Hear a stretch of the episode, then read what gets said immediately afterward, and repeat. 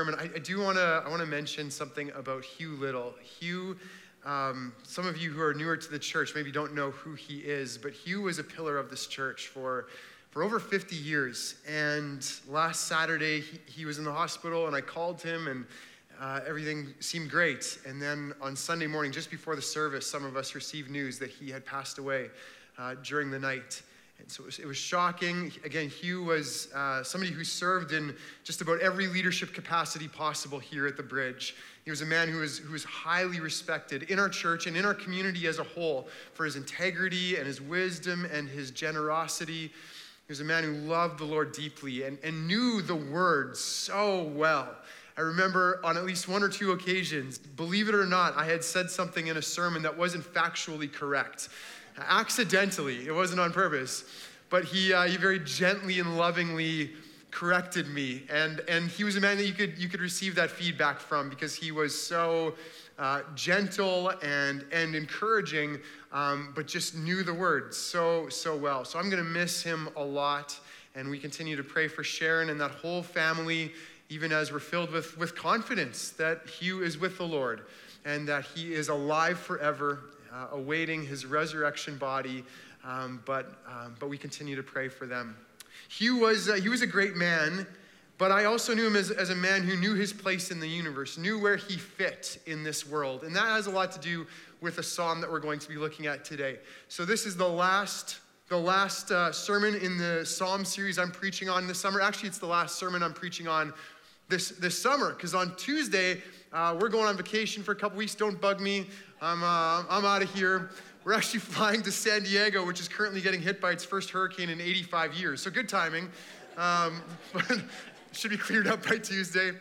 Cleared up for us to go to Legoland because it's all about us, right? So, uh, so anyways, this is the last uh, sermon I'm going to be preaching on in Psalms this uh, this summer, and so I decided to go with one of my favorites. Uh, this psalm that I'm preaching on today was one uh, that I, I talked about in my first devotional I did for um, a church board when I was an intern at 21 years old. It was terrifying to be before uh, all these business people and everything on our church board and to, to provide a devotional. Uh, and this was the psalm that I, that I chose. There was something about it that just really hit me about the perspective it provides us uh, about humanity, who we are uh, in this universe.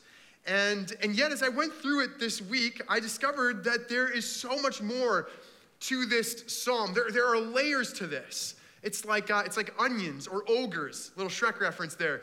Um, but, but scripture's often like that. You think that you know it, and then you dig into it, and there's, and there's more. There, there's, there's even further um, meanings to, to grow into, to understand. So, so that's what happened to me this week in, in Psalm 8. Um, here it is. If you've got your Bibles, open up to, to Psalm chapter 8. Lord our Lord, how majestic is your name in all the earth. You have set your glory in the heavens. Through the praise of children and infants, you have established a stronghold against your enemies to silence the foe and the avenger. When I consider your heavens, the work of your fingers, the moon and the stars which you have set in place. What is mankind that you are mindful of them? Human beings that you care for them. You've made them a little lower than the angels and crowned them with glory and honor. You made them rulers over the works of your hands. You put everything under their feet all flocks and herds, and the animals of the wild, the birds in the sky, the fish in the sea, all that swim the paths of the seas. Lord our Lord, how majestic is your name in all the earth. So, this, this song, there's, there's all kinds of contrasts going on. And let, let's start with the thing that kind of really struck me as a young adult about this psalm the contrast between the smallness of humanity and yet the immense value that God has placed on human beings. So consider the smallness. Even the psalmist, traditionally ascribed, this is, this is ascribed to David, even he, without all the technological instruments that we have today that allow us to see into the heavens, even he could look at the skies and realize, I am so small in the cosmos. He was dwarfed by the stars he saw up there. And for us, 3,000 years later, with our ability to kind of probe out a little bit further into the universe, these words strike us even more deeply. They resonate even more strongly. And I thought about um, just sharing some like stats and numbers and stuff like that with you. But then I, I, found a video on YouTube that I thought did a better job of kind of exploring our smallness in the universe. So here you go.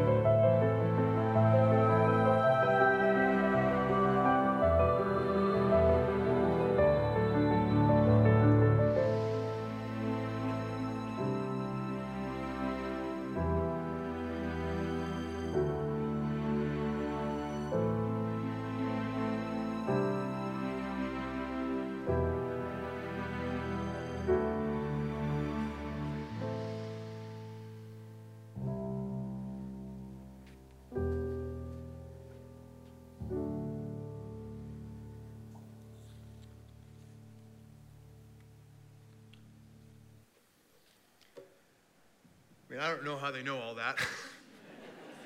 I'm not a scientist, but obviously we're really, really small. And, and we're made up of really small stuff too.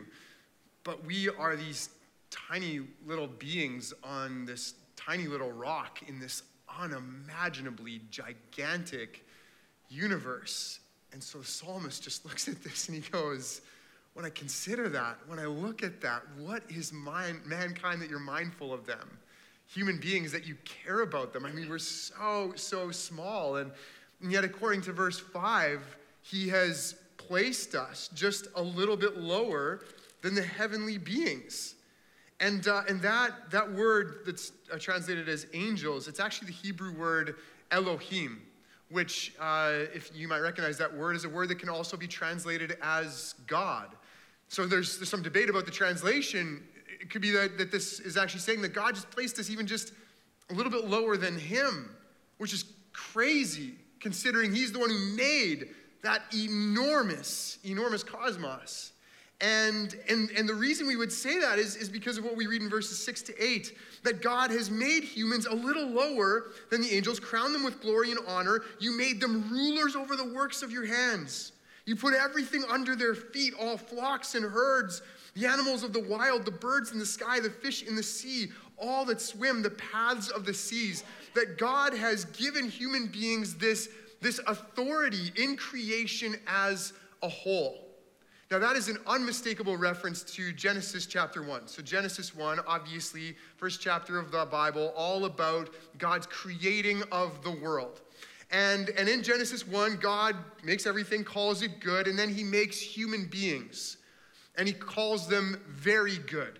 And in Genesis 1, verse 26, we read God saying, Let us make mankind in our image, in our likeness so that they may rule over the fish in the sea, the birds in the sky, the livestock, the wild animals, and over all the creatures that move along the ground. So here's kind of exactly what Psalm 8 is saying God has made human beings and given them authority over all things. He has given them this status as his image bearers. Now, an image bearer, that's like a, a representative, like, like a, a statue essentially representing God to the world. That's the status that human beings are given. Nothing else is given that title. Now, image bearer, that's kind of like the that's like the job title of a human being. That's the thing that you put on your business card, your human being business card. I'm an image bearer of God. But unlike some job titles, when you read them and you're like, I don't think that means anything. I think you're just the son of the president. I don't think you actually do anything. This job actually comes with a, with a job. The job title comes with a job. It comes with responsibilities. And those responsibilities are outlined even more in verse 28 of Genesis 1, where God tells the humans, fill the earth and subdue it, rule over the fish in the sea and the birds in the sky, and over every living creature that moves on the ground. Now, those words, rule and subdue, those are words that get some people in a little bit of a tizzy, right? Especially in an environmentally conscious place like North Vancouver. Like that, that word subdue, that doesn't sound good. You know, just sometimes I share this anecdote with people who are new to the area to kind of help them understand our culture a little bit.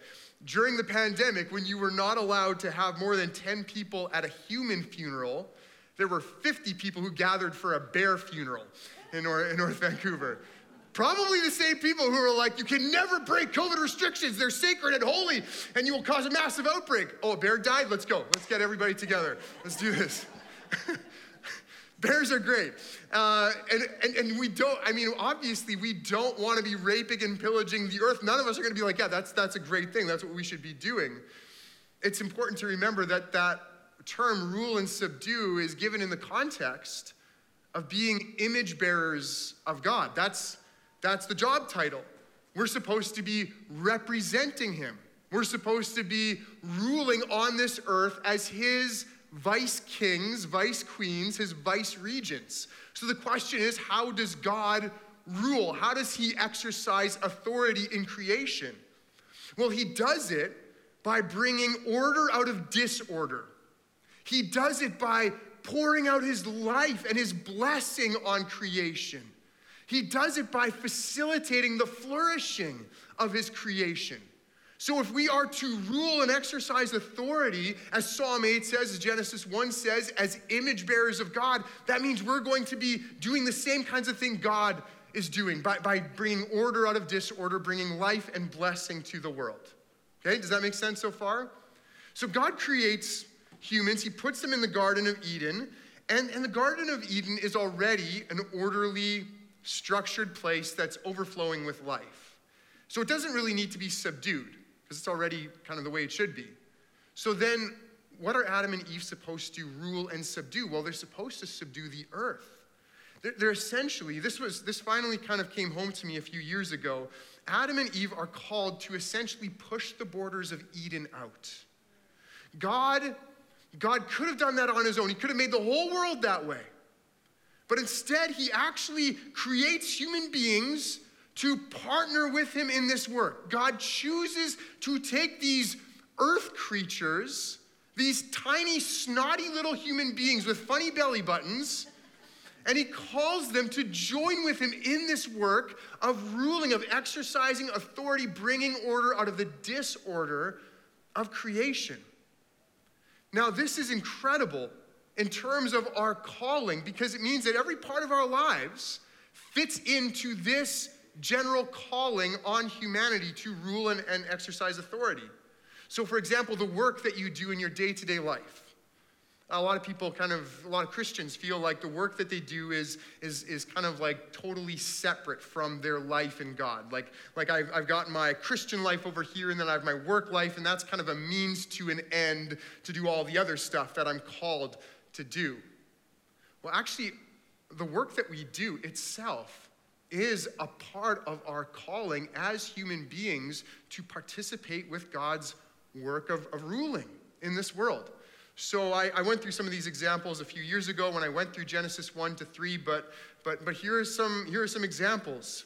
Think about doctors and, and uh, therapists and counselors and nurses, healing professions that are working with some kind of dysfunction, so, some, some uh, you know, unhealth in an individual and, and bringing them to restoration, bringing order out of disorder. That's, that's holy work. That's Eden, Eden extending work.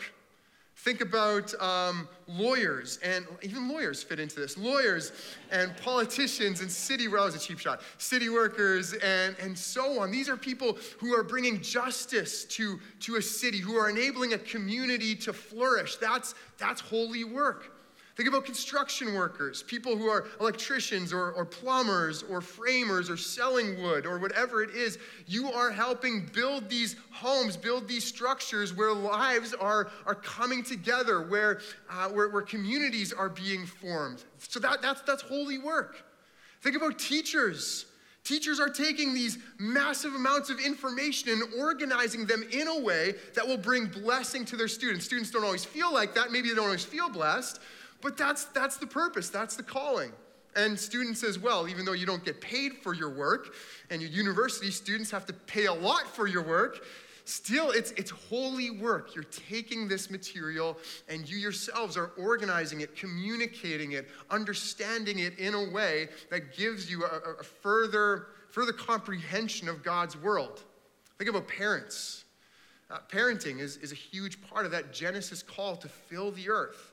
And not everybody's going to do that, but those who do are doing holy work. You are, you are giving shape and order to a life and, and pouring out God's blessing and life onto that individual. That's Eden extending work. Uh, think about art. I feel like I'm writing like, like this is like a Sesame Street book or something. You know, you're just like every page is a different job. But, but artists, graphic designers and sculptors and painters and so on, again, you are, you are creating something that sends a message, that brings a blessing to others. All of this participates in that calling of Psalm 8, that God has given us that authority. Now, you can do all that work in ways that brings a curse that, that extends the, the curse of sin in the world. You could do it in a way that draws people away from God rather than to God. But that's not your calling. That's what Jesus has redeemed us from.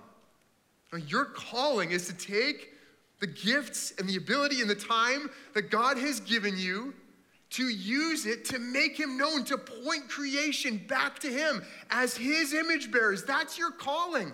And again, I focus so much on work because work is not like this purely secular thing where the only way it can be redeemed is if you share the gospel with your coworkers.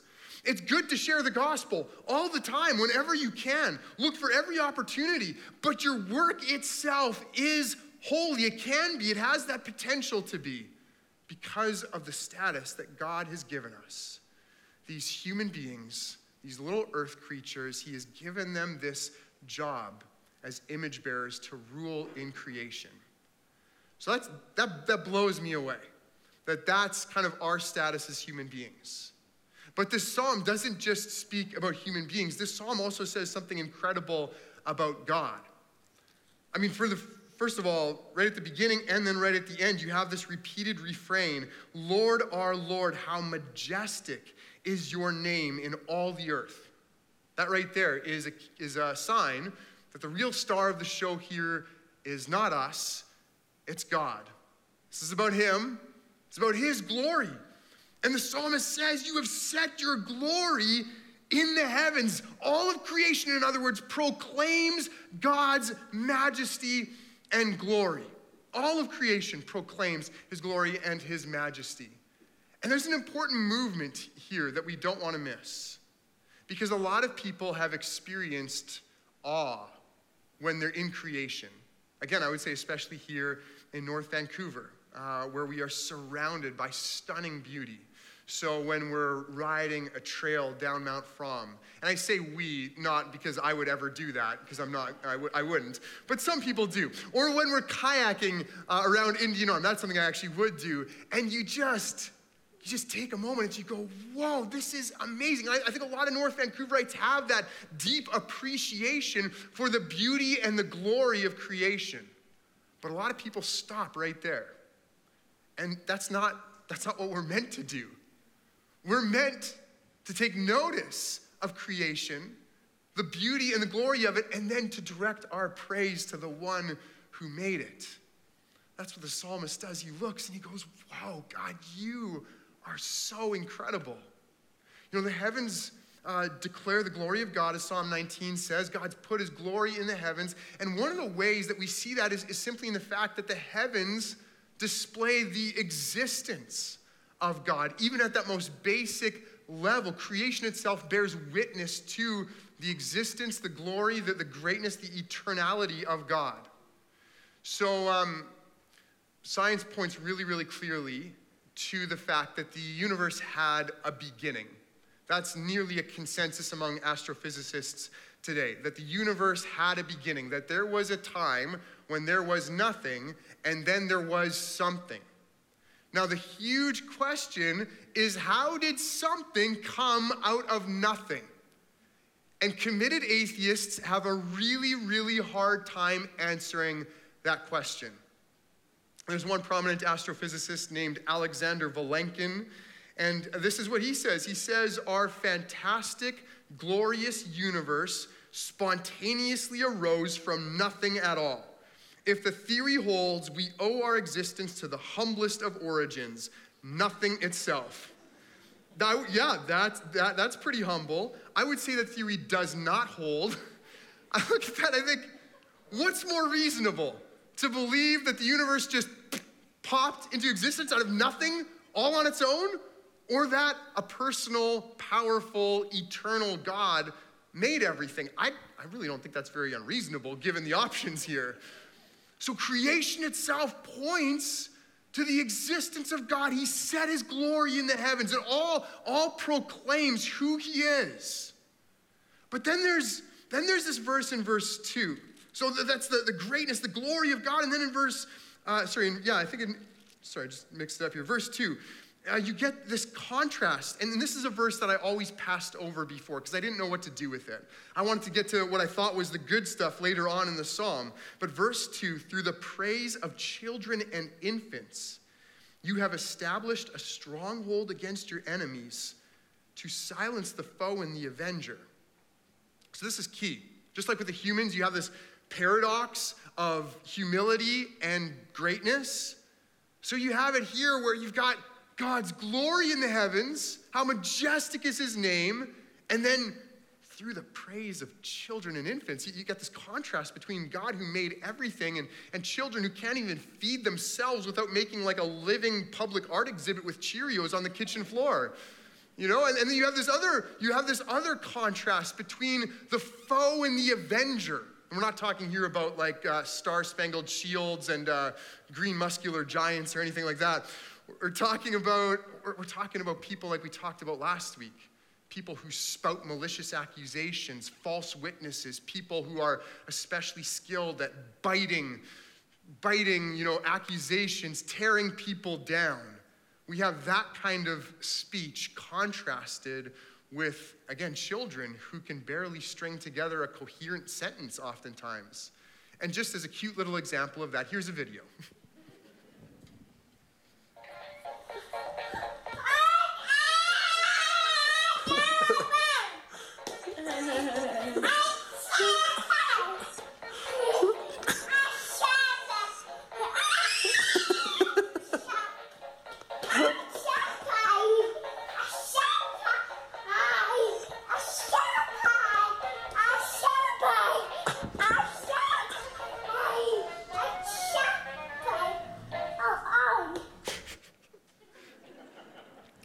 what Natalie was talking about. I think it started with I'm so fast and then it turned into I'm shopping, but I'm not totally sure. I, I gotta tell you, so when I, whenever I watch those videos or see those pictures, I, um, man, I get like really like kind of nostalgic and emotional, and I just like instantly am like, we should have 12 more of those. Like, they're so cute. And then whenever I say that out loud, Carolyn takes a metaphorical roundhouse kick to the idea. It's like, do you remember how little sleep we got and how much stress we had? Okay, fine, fine, fine. But man, they were so cute, at least for 30 seconds at a time. Um, the point is, uh, the point is, infants, they, you know, their, their speech, it, doesn't make any sense oftentimes. You know, we're talking about the, the weakness of the weakest of people. And, and yet God somehow uses that to beat the foes and the avengers. I mean, that, that doesn't make much sense. In fact, it seems like a really poor strategy if you're dealing with foreboding, biting, you know, malicious people, that God would use the weakness of weakest human beings to do that. But it's kind of consistent with the kind of thing we see God doing over and over again in the scriptures. For example, we see God often choosing people who are so unlikely, people who the rest of society would discard and dismiss, and yet those are the people God says, I'm going to work through you. And this is, if, you, if you've kind of read your Bible, you're familiar with this, but just a quick run through of some examples. Um, God chooses a barren uh, old woman named Sarah to bear the child who would become the ancestor of God's chosen people. He chooses a rejected, unloved woman named Leah to bear the child who would become the ancestor of the Messiah. Uh, God uses, chooses the, the youngest and the weakest of Jesse's family, a man named David, to be the king of Israel. He calls a man with some kind of speech impediment named Moses to boldly confront the Pharaoh and to lead his people out of slavery. He chooses a young virgin girl named Mary in an out of the out of in, in the middle of nowhere town to bear the Messiah. Jesus himself chooses tax collectors and, and fishermen. He goes basically all blue collar in forming his group of disciples. Uh, Jesus uh, calls Paul, a man who was a persecutor of the church and later on called himself the worst of sinners, the chief of sinners. And he calls Paul to be the foremost missionary in the early church. Again and again, we see this even in the composition of the early church. Paul writes to the Corinthians and he says, Not many of you were wise by human standards, not many were influential, not many were of noble birth, but God chose the foolish things of the world to shame the strong.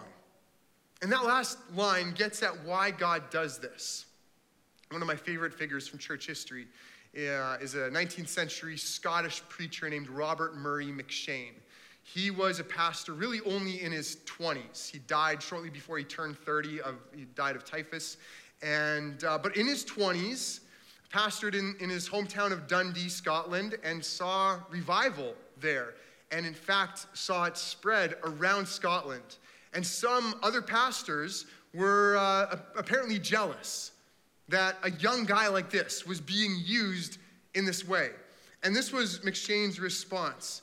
He said, Had it been God's wish to give the glory to man at all, then indeed it might have been asked, Why does he pass by older pastors and call for the inexperienced youth? But that, of course, is not why God was doing this. He wasn't, he wasn't interested in giving glory to people. God's, God's desire is that people would stop trusting in their own strength and stop trusting in the strength of other humans and instead turn to Him to know that He alone can do what is, what is needed to be done. And, and so God uses the weakness of weak, weak people to display His glory, to display His power. And I, have seen this in my own life, and maybe you have too, where at, at the moment where I feel the most done, the most tired, the most tapped out. that Sometimes, when, as I cry out to the Lord, He gives me the most strength and, and works through me in the most powerful ways. And it's because I've, I've stopped seeking my own glory and trusting in my own strength and am instead fully available to Him. This is, this is just what He does over and over again.